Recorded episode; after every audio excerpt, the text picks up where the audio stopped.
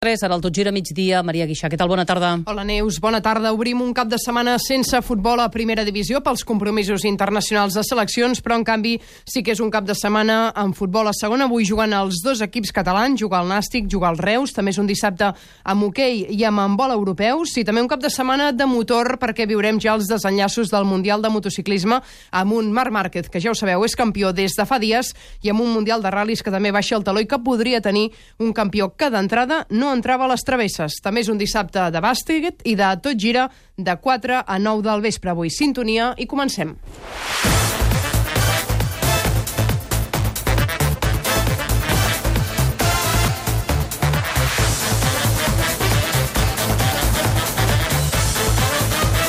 Tot gira migdia amb Maria Guixà.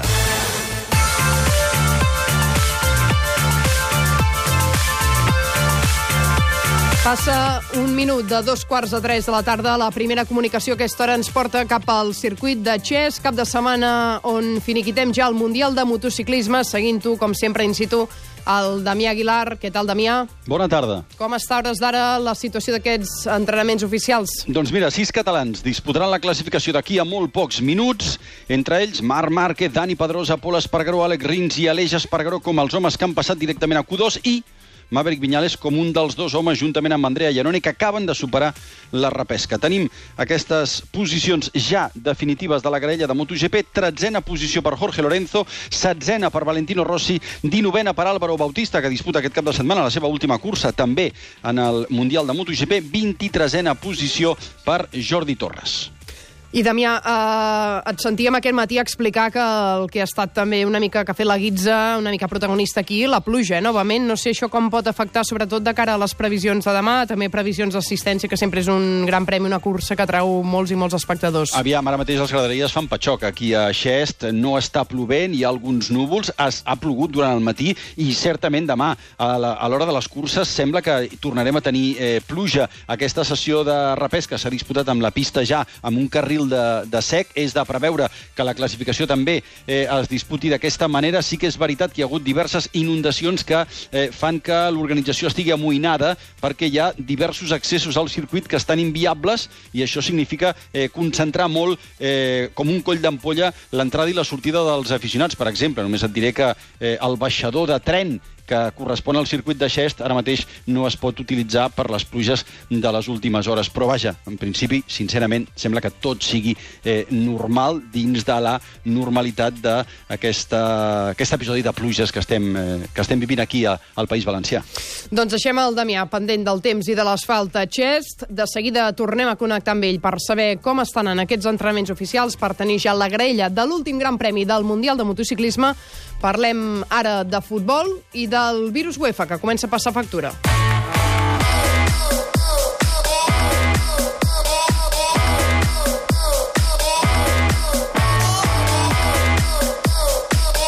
Aquests compromisos de seleccions ja tenen damnificats. Tant Barça com Espanyol s'han vist eh, perjudicats. De seguida ho ampliem, anem a pans, però saludem de moment el Roger Arbusà. Roger, bona tarda. Bona tarda, Maria. D'entrada, a Can Barça, les alarmes que s'han encès pel migcampista Ivan Rakitic. Sí, perquè semblava que eren molèsties que no suposarien eh, gaire temps de baixa i que era poca cosa, però avui hem sapigut que estarà entre 10 i 15 dies de baixa. El croat té una elongació al semimembranós de la cama dreta. Recordem que igualment eh, Rakitic no podrà jugar dissabte que ve al Wanda contra l'Atlètic de Madrid perquè està sancionat i és dubte per la jornada següent. Veurem si arriba pel diumenge 2 d'aquí a dues setmanes a casa contra el Villarreal. Insistim, entre 10 i 15 dies de baixa. Aquest matí li han fet proves a la ciutat esportiva del Barça. Un cop ja arribat a Barcelona, no jugarà, per tant, el partit decisiu demà amb Croàcia contra Anglaterra a Wembley, tot plegat arran d'unes molèsties que ja va notar dijous durant el partit contra Espanya. Pidió el, el cambio, era un poco, un poco molestias, eh, pero bueno, ya a ver si podemos recuperarnos lo antes posible y para estar a tope el domingo. Un Rakitic, Roger, que, que el tindrem a la infermeria pendent d'aquesta recuperació. Eh, no va ser l'únic blaugrana que va tenir partits, que ha tingut presència internacional en aquests compromisos UEFA. Eh, D'entrada, què destacaríem de la resta d'integrants de, de l'equip de Valverde? Doncs mira, que Silesen va jugar tot el partit en la victòria d'Holanda contra França per 2 a 0. El conjunt francès Dembélé va entrar al camp al minut 65, un resultat, per cert, que suposa el descens d'Alemanya a la Lliga B d'aquesta Lliga de les Nacions, d'aquesta Nations League. Presència blaurana també en l'Uruguai 0, Brasil 1, aquest partit amistós, gol de Neymar de penal, Luis Suárez i Artur, que van jugar als 90 minuts. L'Uruguai, recordem-ho, amb la baixa per lesió del davanter del Girona, Cristian Estuani. I, Roger, eh, en clau blaugrana hem repassat la baixa d'Ivan Rakitic, però també dèiem, eh, l'Espanyol també té damnificats, en aquest cas, eh, un nom propi, i el, el cas és d'Òscar Duarte. Sí, es va lesionar ahir en un entrenament amb Costa Rica, també va haver de tornar cap a Barcelona, té una estripada al recte femoral de la cuixa esquerra, es perdrà els partits amistosos que Costa Rica ha de jugar contra Xile i el Perú. El jugador encara pendent de les proves mèdiques, pendents hores d'ara del diagnòstic, però atenció, de moment Rubi ja avisa que aquesta lesió no pinta bé.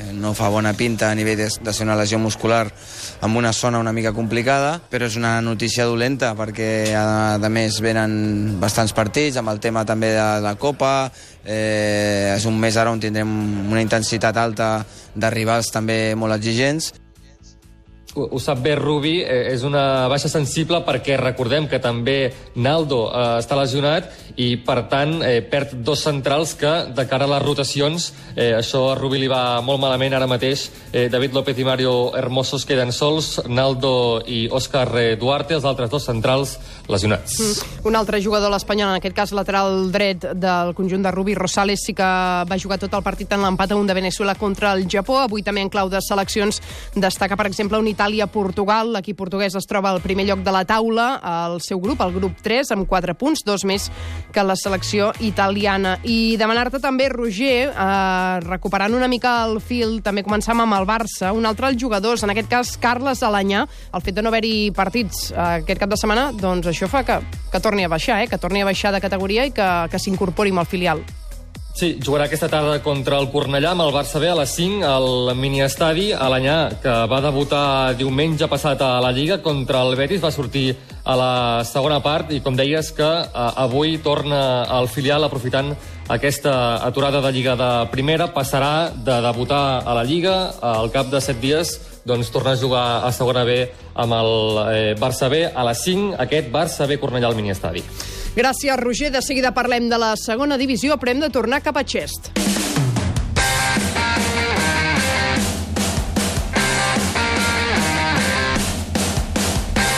Perquè, Damià Aguilar, hi ha novetats a aquesta hora a l'asfalt del traçat valencià. Sí, caiguda de Marc Márquez, una caiguda estranya i, atenció, l'espatlla esquerra. Sabeu que l'espatlla esquerra de Márquez aquest any li ha fet la guitza, que s'ha d'operar aquest mes, i la sensació quan s'ha aixecat després de la caiguda era que potser havia quedat afectada aquesta espatlla esquerra. Evidentment, eh, l'Emili Alzamora veig que l'està remolcant ja amb un scooter de, per portar-lo de nou cap al box, la qual cosa vol dir que se si se li ha sortit l'espatlla de seguida li posaran quan arribi al box, perquè és molt important que això sigui d'aquesta manera, i mentrestant els pilots tinc la sensació que van una mica cames, ajudeu-me, perquè s'ha tancat una mica el cel, i eh, allò que apareix algun núvol gris i potser doncs, eh, ja saps que si cau després alguna gota la situació pot canviar radicalment d'un segon a un altre. Per tant, ara mateix tenim Márquez fora de joc entre cometes, mm -hmm. aviam si té temps de, de fer alguna volta i eh, pràcticament tots, excepte ell, ara mateix són en pista intentant doncs, fer la pole position, la darrera de la temporada. Perquè recordem, Damià, que ara només queda per definir qui acabarà el podi en aquesta categoria reina, qui acabarà tercer qui acabarà tercer amb la medalla de bronze. Recordeu que se la juguen Valentino Rossi i Maverick Viñales, tenen dos punts de diferència a favor de Valentino Rossi en aquest cas. Veig Marc Márquez que arriba al camió i se sosté l'espatlla, se li ha sortit l'espatlla. Jo diria, vaja, poso-la amb el foc, que se li ha sortit l'espatlla. Mig equip de Márquez han entrat amb ell dins d'un dels camions de l'equip que hi ha just al darrere del box i ara eh, es tracta de, evidentment, fer l'operació d'intentar posar-li l'espatlla. És molt complicat, evidentment, que després pugui sortir, acabar de complir els 10 minuts que queden, però ja veurem quina és la situació. Et deia que queda per, per jugar-se la medalla de bronze entre Rossi i Vinyales, efectivament. Eh, evidentment, eh, ja sabem que Valentino surt al 16, aviam què pot fer el Maverick ara, perquè això li, li va molt bé de cara a demà. En situació de, de pluja té desavantatge respecte a Valentino i queda la classificació per equips que jo diria que ha de caure de la banda del Repsol Honda, però veurem quina és la situació física de Marc Márquez i quina és també la situació tècnica esportiva de Dani Pedrosa demà. Falten 20 minuts perquè siguin les 3 de la tarda. Obrim un parèntesi momentani. De seguida tornarem cap a Xest. Parlem de la segona divisió de futbol. Dèiem, no hi ha primera, sí que hi ha segona. Avui juguen els dos catalans. El Nàstic ho fa a les 4 a Màlaga.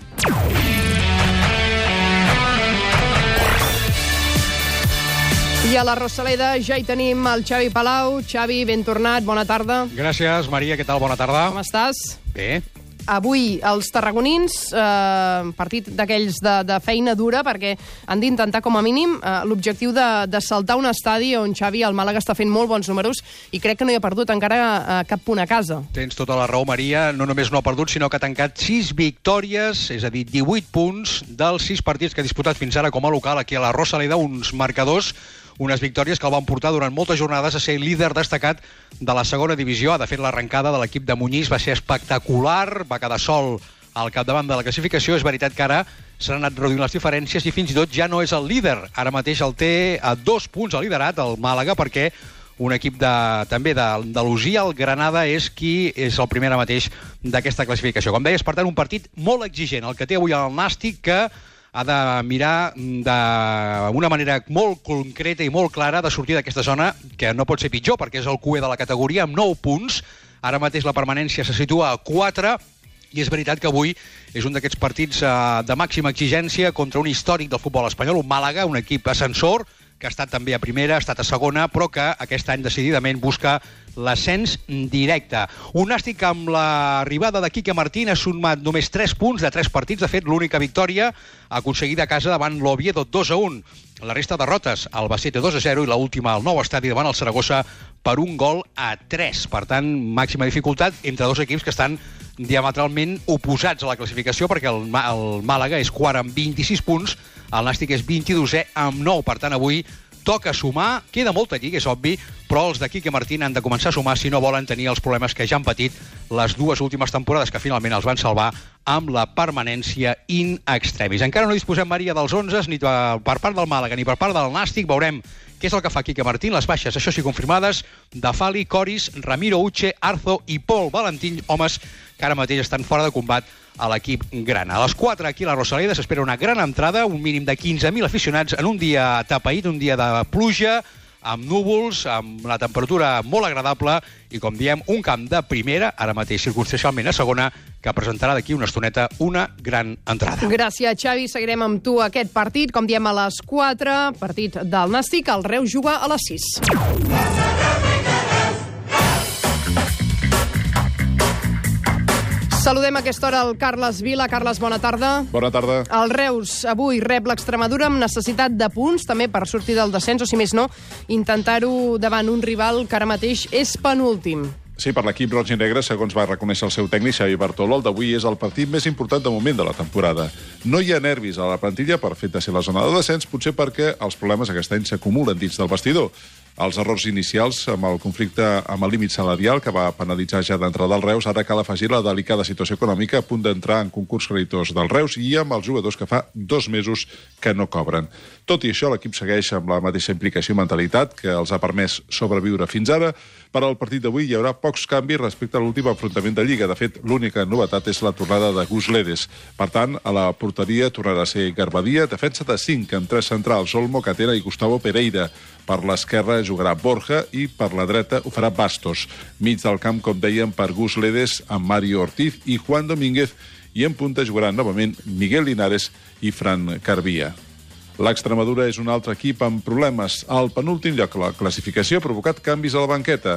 L'ex del Nàstic, Rodri, ocupa el lloc de Juan Sabas. Una vegada més, l'estat de la gespa de l'estadi municipal pot ser un condicionant per al joc del Reus. Per cert, algunes penyes roig i negres han convocat per aquesta tarda una protesta en contra del Consell d'Administració per la delicada situació econòmica que viu l'entitat.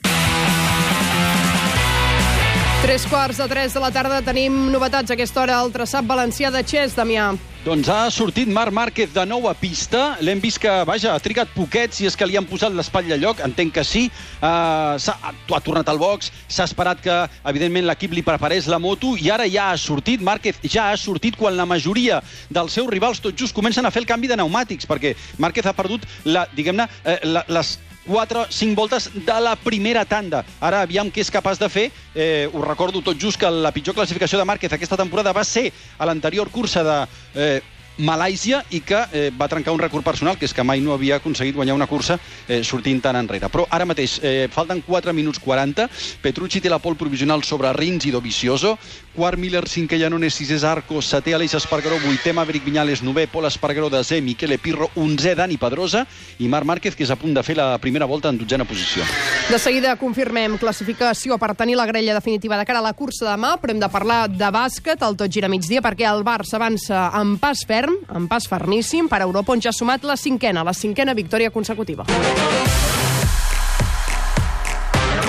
Xavi Soler, bona tarda. Bona tarda. Triomf important, el del Barça Bàsquet, que ha tornat de Kaunas amb una victòria davant Saruna Jassikevicius. Una pista gens fàcil dels alguiris de Kaunas, ahir amb més de 15.000 espectadors a la seva pista, i un triomf a la pròrroga, 85 a 88, en un partit que podríem dir que el Barça va haver de guanyar dues vegades. La primera, en els 40 minuts. El Barça, a falta de 3 minuts, guanyava d'11, va deixar escapar aquesta renda, va aconseguir empatar l'equip de Jaskevicius. Semblava que la moral era pels alguiris, però la pròrroga, el parcial de 9 a 12, va ser pel Barça, que es van dur aquesta cinquena victòria consecutiva en una pista que, curiosament, dient que és difícil, però els quatre rivals que hi han jugat aquesta temporada hi han guanyat tots. Això sí, rivals com el Madrid, el Fenerbahce, el Bascònia i el Barça de molta entitat. Molt bon joc coral de pràcticament tota la plantilla. Kyle Kuric, màxim notador amb 15 punts i 5 triples, 14 de Tomic.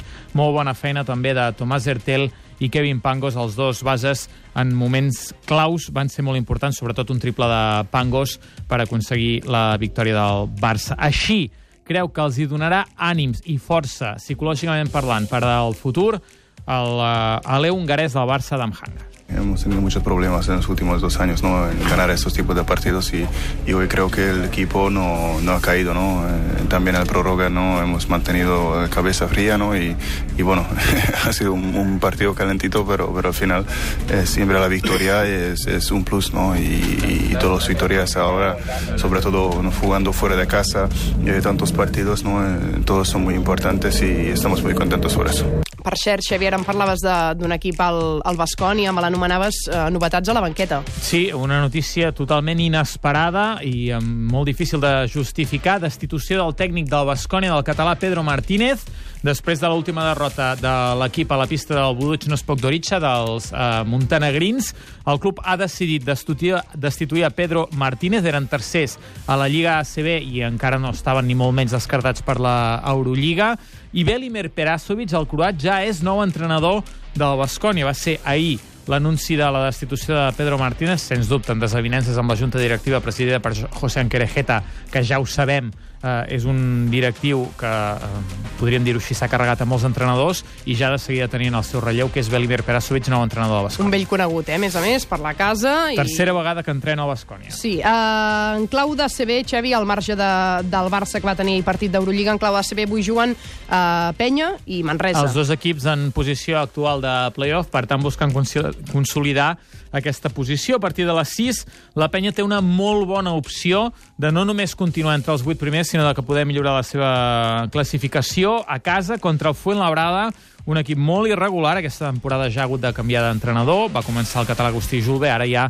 l'argentí Néstor García. Una penya amb la baixa de Dakota Maicias encara i els dubtes avui de Dimitrijevic i Simon Vigander. A dos quarts de nou, el Manresa que tindrà una sortida més complicada a la pista del Burgos, un equip que és molt bo a casa, el Manresa, amb quatre victòries i quatre derrotes, just en la vuitena posició. Un Manresa que avui recupera Marco Lukovic i per primer cop en tota la temporada Joan Penyarroia tindrà a tota la seva plantilla a disposició.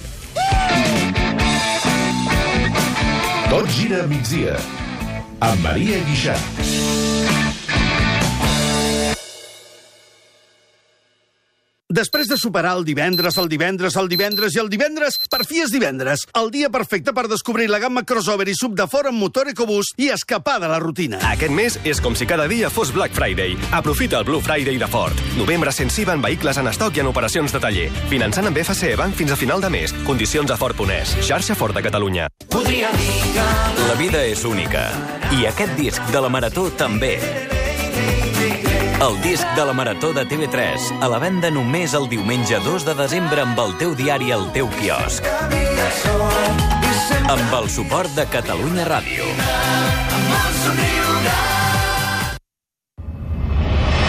Set gols en 12 partits. Ha marcat el Panda, ha marcat el Panda, ha marcat el Panda. Ha marcat el Panda, ha marcat El davanter de modes. Hola, soy Borja Iglesias y este domingo estaré en el Top Gira. I si vols la samarreta del Panda signada, fes-te follower de l'Instagram del Tot Gira.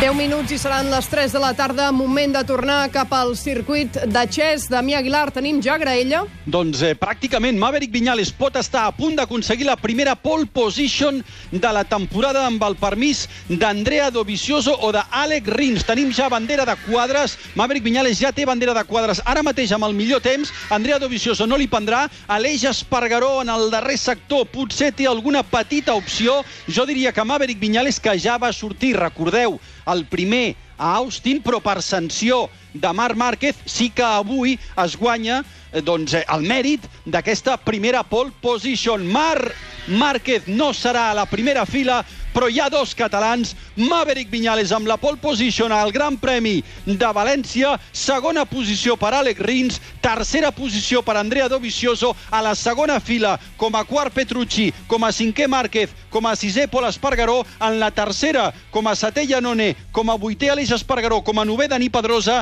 I en la quarta fila Miller, Zarco i Michele Pirro. Doncs molt bones notícies per l'empordanès. Pole position per Maverick Viñales en la cursa que ha de definir-se si pot o no aspirar a la tercera posició d'aquest Mundial. Per tant, Maverick tot de cara sortint des de la pole position demà al circuit Ricardo Tormo de València. Aparquem les motos, deixem el Damià que vagi a buscar protagonistes, parlem d'hoquei patins, perquè avui tenim una jornada europea molt i molt farcida.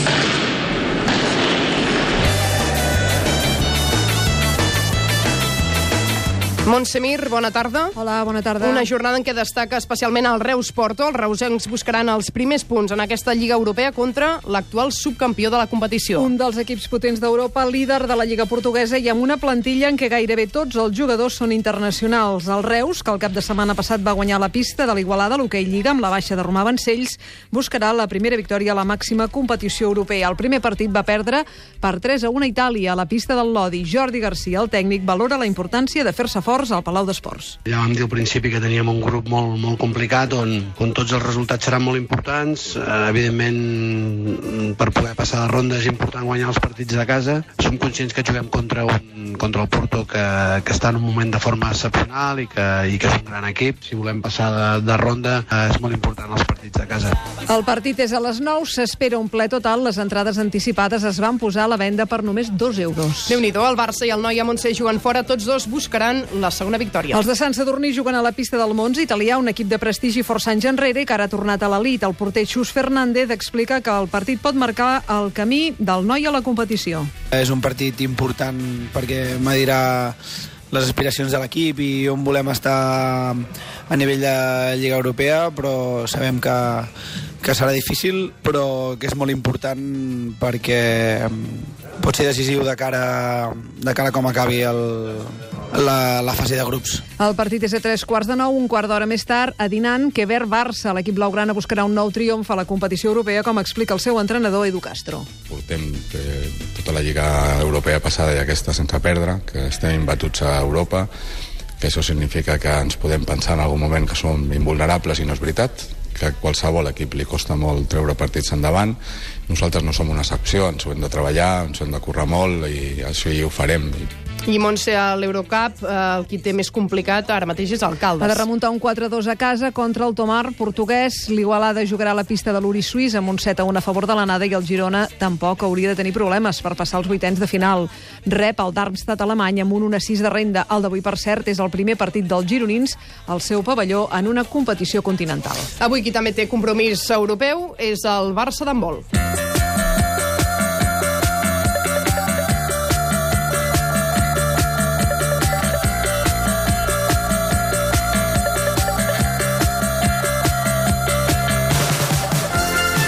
Avui torna la Champions al Palau Blaugrana en una nova jornada europea per l'equip de Xavi Pasqual, que Ramon Salmurri, bona tarda. Què tal, Maria? Bona tarda. Torna a enfrontar-se al mateix rival que la setmana passada i té una nova oportunitat per reafirmar el lideratge grup i també fer un pas endavant per passar a la fase. Com bé dius, avui el Barça pot agafar el bitllet d'anada dels quarts de final de la Champions. És molt d'hora encara. Queden pistes molt complicades, com Vespre, Montpellier o la setmana vinent a Kielsa. Però guanyar avui al Bar al Palau, a les 7 de la tarda, suposa fer un pas de gegant de cara a la primera posició del grup. El Barça, amb 12 punts, deixaria 4 als macedonis i també el Reine Karloven alemany, que entre setmana va perdre a França. El grup de perseguidors es reduiria al Kielsa, amb un cos a cos tal endú Sabayev Xavi Pasqual la setmana vinent a Polònia. Home, si, si es guanya, són 4 punts d'avantatge i la veraix, que és molt important. Però encara quedaran molts partits. Uh, una lesió d'un jugador, qualsevol cosa pot, pot influir. Eh, lo important és intentar guanyar demà i treure els dos punts i després pensar en el partit següent que hi hagi, no? Però eh, sapiguem que serà molt més complicat del que, del que s'està creant en l'entorn de l'equip, eh? A tot això, el Barça ve de fer probablement un dels millors partits de la temporada a Skopje. Fa tot just una setmana. Exhibició blaugrana contra un Bardar que a casa no havia perdut cap partit aquesta temporada. Avui, la tendència desdibuixa aquesta igualtat. El partit a Skopje condiciona uns i altres, i el Palau és molt Palau. Fa 3 anys que no veu perdre el seu equip en Champions. Per això, Xavi Pasqual pretén rebaixar aquesta eufòria. L'únic patró que repeteix és que són els dos mateixos equips, però de partit similar eh, en quant a intensitat i en quant a dificultat segur i jo crec que ells encara ens ho posaran molt més difícil del que ens ho van passar el cap de setmana passat no? perquè crec que, que hauran estudiat bé el partit i que nosaltres ens haurem de sobreposar a moltes coses que vam fer molt bé l'altre dia i que segur que ells podran contrarrestar. Un bon argument per fer baixar el sufler és la baixa del lateral francès Timotei Enguessan. Ja va jugar ben poc a Skopje, afectat, afectat del tendó de l'abductor, i avui és el jugador descartat. Ara cal veure si Gilberto Duarte pot repetir el seu bon partit a Macedònia. Gràcies, Salmo. També qui és a punt de classificar-se, en aquest cas, per la Final Four de la Champions, és el Barça Futbol Sala. L'equip d'Andreu Plaza juga demà contra l'Ugra, el partit definitiu que li pot garantir ja aquesta classificació. David Tubac, bona tarda. Bona tarda, Maria. Els Blaugrana afronten eh, les hores prèvies d'un partit, com diem, que demà serà absolutament de caixa o faixa. Jornada de descans avui per a la plantilla del Barça de futbol sala en l'etapa i d'agenda de l'Elite Round de la UEFA Futsal Champions League. Una jornada doncs, de calma per als blaugranes després de la tempesta que arriba demà. Eh, Barça i Ugra es juguen a l'accés a l'únic bitllet que hi ha en joc per a la Final Four en un partit d'aquells de tot o res, de cara o creu, i l'equip d'Andreu Plaza, però, que parteix amb un lleuger avantatge, i és que li val l'empat davant de l'equip rus del potent Ugra que ha arribat a aquesta ronda elit com a primer de l'anterior fase del seu grup, el Barça en canvi ho feia com a segon, però el Barça, degut al millor gol a favorable dels dos partits precedents, li val l'empat davant dels russos, un rival que va guanyar aquesta competició ara fa 3 anys, per tant es preu un partit amb moltes complicacions i amb els dos equips eh, que evitaran especular. Així ho destacava el tècnic blaugrana Andreu Plaza. És un any més d'experiència, un any més de saber manejar un partit com el d'avui, que no és fàcil, eh, i això pues, ens dona tranquil·litat. Sabem contra qui juguem diumenge també, crec que serà molt diferent el partit, ni ells ni nosaltres especularem res, ells menys que nosaltres encara, perquè ells necessiten per, per, per nassos guanyar. Per tant, crec que serà un partit obert entre dos grans equips, perquè el Gazprom és un gran equip, amb grans jugadors, i jo crec que no tindrà res a veure. Barça i Ugra Gazprom, doncs, que han guanyat els seus dos partits en aquesta ronda, els dos partits precedents davant de l'Economa Kragujevac serbi i del Bielsko-Biala polonès. Dos equips doncs, que s'enfronten demà en un intrascendent partit a partir de les 11 del matí i a partir d'un quart de dues al plat fort. Aquest Barça-Ugra amb el bitllet per la Final Four en joc a partir d'un quart de dues, com dèiem, amb transmissió d'Esport 3. Un minut perquè siguin les 3. Oriol Rodríguez, bona tarda. Bona tarda. Encara un apunt de motor perquè s'acaba el Mundial de Ral·lis i el lideratge ara mateix sorprenent. Sí, de moment el líder és l'estonià Otanak, que és un dels tres pilots que té opcions de títol, tot i que una mica remotes. Només queda una jornada, la d'aquest diumenge, amb 6 trams, que són 83 quilòmetres. Han de decidir encara el campió. Otanak és líder a 1.44 a la sisena posició hi ha Ogier, i a la vuitena hi ha Thierry Neville a 2 minuts i 35 segons. De moment Ogier és qui ho té millor, o Tanak necessitaria una autèntica carambola. Doncs amb motor posem punt final al tot gira migdia i tornem a la tarda a les 4 amb el David Clopés fins a les 9 avui en versió reduïda. I no us ho perdeu de 4 a 5 Kilian Jornet passarà en conversa eh, gravada. Emetrem una entrevista gravada al David amb l'ultrafundista català entre 4 i 5 a quarts de 5 atents. Avui fins a les 9 tot gira, adéu-siau